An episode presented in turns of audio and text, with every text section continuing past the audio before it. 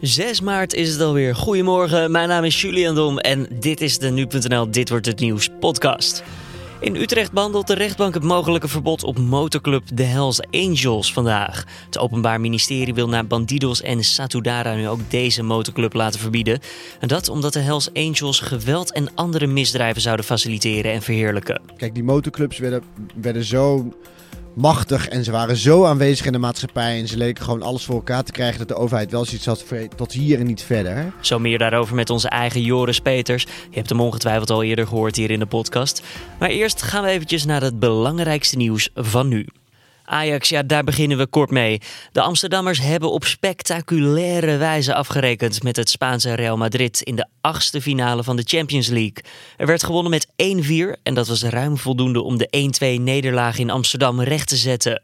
Hakim Ziyech en David Neres wisten Ajax snel op voorsprong te brengen. En na rust maakte Tadic het derde doelpunt voor de Ajaxide. En daarna wist Real de spanning kort terug te brengen, want twee minuten na het doelpunt van Real maakte Lasse Schöne het vierde doelpunt voor de Amsterdammers. Iedereen speelde goed volgens trainer Ten Hag. Het team behaalde bijna perfectie volgens hem. Ook Frenkie de Jong speelde een goede wedstrijd, maar maakte op het einde bijna een cruciale fout door de bal kwijt te raken voor het eigen doel. Ja, ik speelde redelijk goed, alleen op het einde maakte ik bijna nog spannend. Dat, uh, dat, uh, die mag ik niet verliezen natuurlijk, dat moet ik gewoon beter doen. Daar hoorde je hem even voor de camera van Veronica.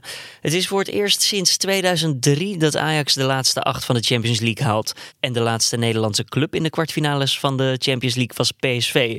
Dat was in 2007. 15 maart is de loting en dan weet Ajax wie de volgende tegenstander wordt. Een vermoedelijk geradicaliseerde moslim heeft dinsdag twee cipiers van een extra beveiligde gevangenis in Frankrijk neergestoken. De twee gevangenisbewaarders raakten zwaar gewond. De Franse autoriteiten spreken van een terroristisch incident. De dader is een 27-jarige man die een jarenlange gevangenisstraf uitzit vanwege een gewapende overval, ontvoering en moord. Dinsdag kreeg hij bezoek van zijn vriendin en vermoedelijk heeft zij een keukenmes mee naar binnen gesmokkeld. En daarmee heeft de man vervolgens de bewakers neergestoken.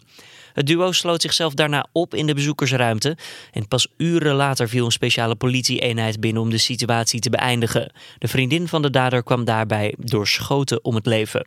De Venezolaanse leider Nicolas Maduro heeft zijn achterban opgeroepen om komende zaterdag de straat op te gaan.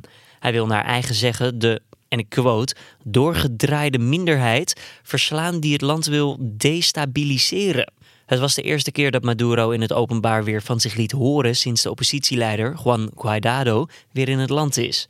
De aardsrivaal van de socialistische president heeft zijn eigen aanhangers eveneens opgeroepen om zaterdag te demonstreren. Guaido vloog maandag na verblijf in het buitenland terug naar zijn thuisland Venezuela. En zanger R. Kelly heeft in een interview met de Amerikaanse televisiezender CBS nogmaals ontkend minderjarige meisjes te hebben misbruikt. Het is de eerste keer sinds zijn vrijlating dat de artiest in het publiek reageert op de aantijgingen. In het interview vraagt presentatrice Gail King of R. Kelly ooit vrouwen vast heeft gehouden tegen hun wil. What? How stupid would I be to do that? I didn't say you That's were holding. stupid, guys. I didn't- Is this camera on me? Yes, it's on. That's stupid. Use your common sense. Don't forget the blogs. Forget how you feel about me. Hate me if you want to, love me if you want, but just use your common sense. How stupid would it be for me to, with my crazy past and what I've been through, oh, right now I just think I need to be a monster and hold girls against their will, chain them up in my basement, and and don't let them eat and don't let them out unless they need some shoes down the street from their uncle. Robert- Stop it. Y'all Ro- quit playing. Quit playing. Robert- I didn't do this stuff. This is not me. I'm fighting for my life. Een emotionele R. Kelly was dat. 22 maart moet de zanger zich weer melden bij de rechter. En dan gaan we nu in de podcast naar ons verhaal van de dag. De Hells Angels dus. Ja, de rechtbank in Utrecht die buigt zich zoals gezegd over de vraag of de motorclub verboden moet en kan worden. In de studio daarover aangeschoven rechtbankverslaggever Joris Peters. Ehm, Joris, in 2009 probeerde het OM dit ook al eens om de Hells Angels te verbieden. Dat ja, ging toen niet, dat lukte toen niet. Kan je vertellen waarom? Ja, nou, nu anders dan, dan dit civiele verbod richten ze zich toen vooral op de afdelingen. En dat, eh, nu richten ze meer tegen de over de koepelende organisatie, Bandido, eh, sorry, Hells Angels, eh, MC Holland. Uh, en vandaar dat toen misging. En de rechter zei toen ook van... Hè, we zien wel criminele antecedenten binnen die club. Maar om er nou van te zeggen dat het, dat het wordt aangestuurd door één grote overkoepelende uh, organisatie... En daarmee dus een verbod uh, te rechtvaardigen, dat, dat zagen ze toen niet. Inmiddels is er veel veranderd, dus Bandidos en Satudara zijn wel al verboden. Laten we even luisteren naar hoe dat gebeurde en klonk. Intimidatie, drugshandel, schietpartijen. Het moet mogelijk worden, zeggen de burgemeesters, om dit soort clubs te verbieden. We zijn bezig met een inval in het uh, clubgebouw van de Hells Angels van de Chapter Haarlem. Dat is een hele grote actie. Uh, we verdenken deze mensen namelijk van 29 uh, zaken. Die zijn al zo'n twee jaar in onderzoek. Er zijn heel veel incidenten. En dan heb je het over vuurwapenincidenten, zware mishandelingen, bedreigingen, mensenhandel. Enfin, dat gaat gewoon door. Een criminele organisatie met gevaar voor de openbare orde. Of gewoon een vereniging van motorliefhebbers met een paar criminele leden. Motorclub Bandidos is per direct verboden. De rechter noemt de club gewelddadig en de leden brengen de veiligheid van andere burgers in gevaar. Ja, opnieuw wordt er een motorclub verboden. Na de Bandidos vorig jaar gaat het nu om het veel grotere Satudara. Bandidos en Satudara dus wel inmiddels. En het OM denkt dus nu dat het, uh, ja, ja, ja Angels... Ik, ik, moet, je wel even, moet je wel even corrigeren, want de Bandidos, um, uh, MC Holland is inderdaad verboden. Maar um, de losse verenigingen... Zoals Bandidos Sittard. Ja, die mogen gewoon voortbestaan. Dus het is, het is een... Het, het verbod van Bandidos lijkt een beetje op een lege huls. Want die, die hele Bandidos Holland, die bestaat eigenlijk niet meer. Uh, en die, die, die kleine verenigingen kunnen zich gewoon nog kunnen, mogen gewoon voortbestaan.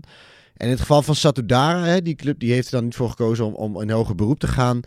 Maar wat, wat het ook bij ministerie daar ziet, is dat deze jongens zich eigenlijk gewoon nu hebben uh, uh, ja, voortbestaan in kleinere clubjes onder andere namen. En dat, en dat, die zich, dat het eigenlijk ook gewoon voortgezet wordt. Alleen dan niet onder de noemer Satudara. Dus het, het blijft heel erg lastig om om dit soort verenigingen gewoon uit te bannen. Maar daar, daar zeg je inderdaad wat. Een andere naam, stel voor de Hells Angels worden verboden en ze noemen zich ja. daar naar de, ik noem maar wat, uh, New Hells Angels. Ja, precies. Ja, nee, dat is een terechte vraag en een, en een vraag die we, die we ook wel eens hebben gesteld aan, aan, aan, aan deskundigen en, en, uh, en, en weten, of, sorry, wetenschappers. Mensen van de universiteit die zeggen, nou nee, dat kan gewoon. Hè. Je kan onder een andere naam kan je verder. De Openbaar Ministerie zegt, nee, dat kan absoluut niet.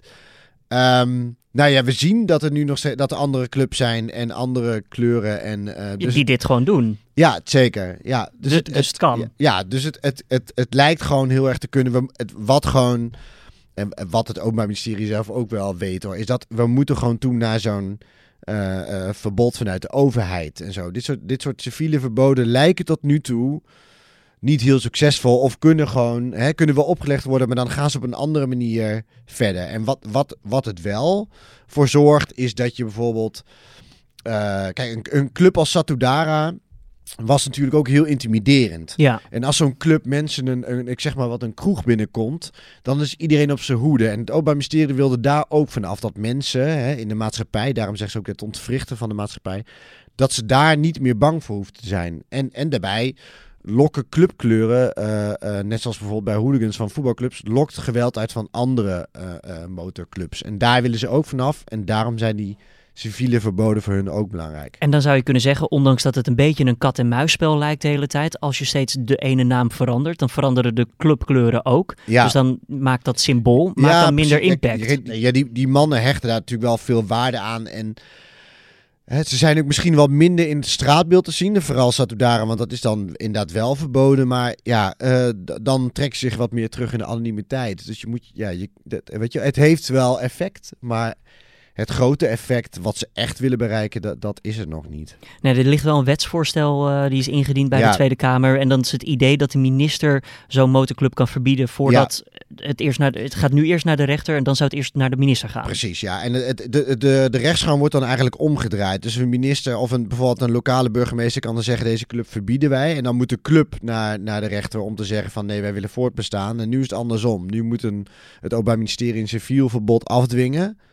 En dan eh, kan er weer hoger beroep worden aangetekend uh, enzovoort. Dus dat, dat zou voor een burgemeester en ook de overheid veel, veel makkelijker zijn. Oh, ondertussen zet het OM dus wel gewoon door, zeker met deze Hells Angels ja, zaak. zeker. Ja, en we krijgen ook nog no surrender. Dus ja, ik, het, het, het heeft ook een beetje te maken met een, uh, met een prestigestrijd. En dat kwam op een gegeven moment, kijk, die motorclubs werden, werden zo machtig en ze waren zo aanwezig in de maatschappij en ze leken gewoon alles voor elkaar te krijgen dat de overheid wel zoiets had tot hier en niet verder.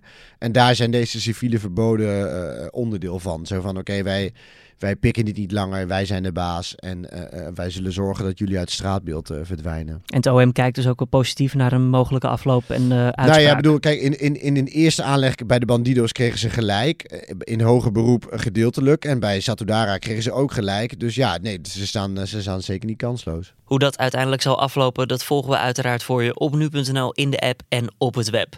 Dank je Joris Peters voor de toelichting. En dan verder vandaag. Ja, de rechtbank in Den Haag doet uitspraak tegen een 41-jarige Rus. Die begin vorig jaar zijn vrouw doodde en haar lichaam in stukken zaagde. Verdachte André K. heeft bekend, maar zei dat hij er geen herinnering aan heeft vanwege zijn slechte geestelijke toestand. Hij leed al enige jaren aan een ernstige depressie. Tegen de man is een celstraf van 8 jaar en TBS met dwangverpleging geëist. En meer voetbal vanavond op televisie. Paris Saint-Germain neemt het namelijk op tegen Manchester United. En FC Porto speelt tegen AS Roma. De Fransen wonnen de heenwedstrijd met 2-0 op Old Trafford, het stadion van Manchester United. En hebben een uitstekende uitgangspositie. De Romeinen van AS Roma verdedigen een 2-1 voorsprong tegen de Portugezen. Beide duels beginnen om 9 uur vanavond. Dan nog eventjes het weer voor deze woensdag. De ochtend die start op veel plaatsen droog en in het oosten is er ochtends mogelijk wat zon te zien. En later vanuit het westen zal het op steeds meer plaatsen enige tijd regenen. Maar met 10 tot 13 graden wordt het gelukkig niet heel erg koud. En voordat we bij het einde zijn, nog even dit, want hij is eindelijk te bekijken. De trailer van het achtste en laatste seizoen van de hitserie Game of Thrones. I know death. He's got many faces. I look forward to seeing this one. Dit seizoen bestaat uit slechts zes afleveringen, maar die zullen waarschijnlijk langer duren dan eerdere afleveringen.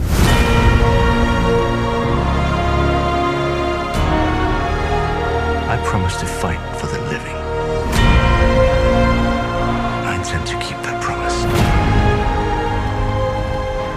15 april is het nieuwe seizoen van Game of Thrones in Nederland op televisie te zien. En dit was hem dan weer, de Dit Wordt Het Nieuws podcast voor deze woensdag de 6e van maart alweer.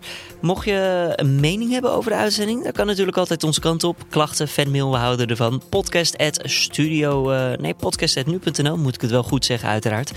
We lezen het graag en we evalueren wekelijks uh, de podcast. Dus uh, laat het vooral allemaal weten.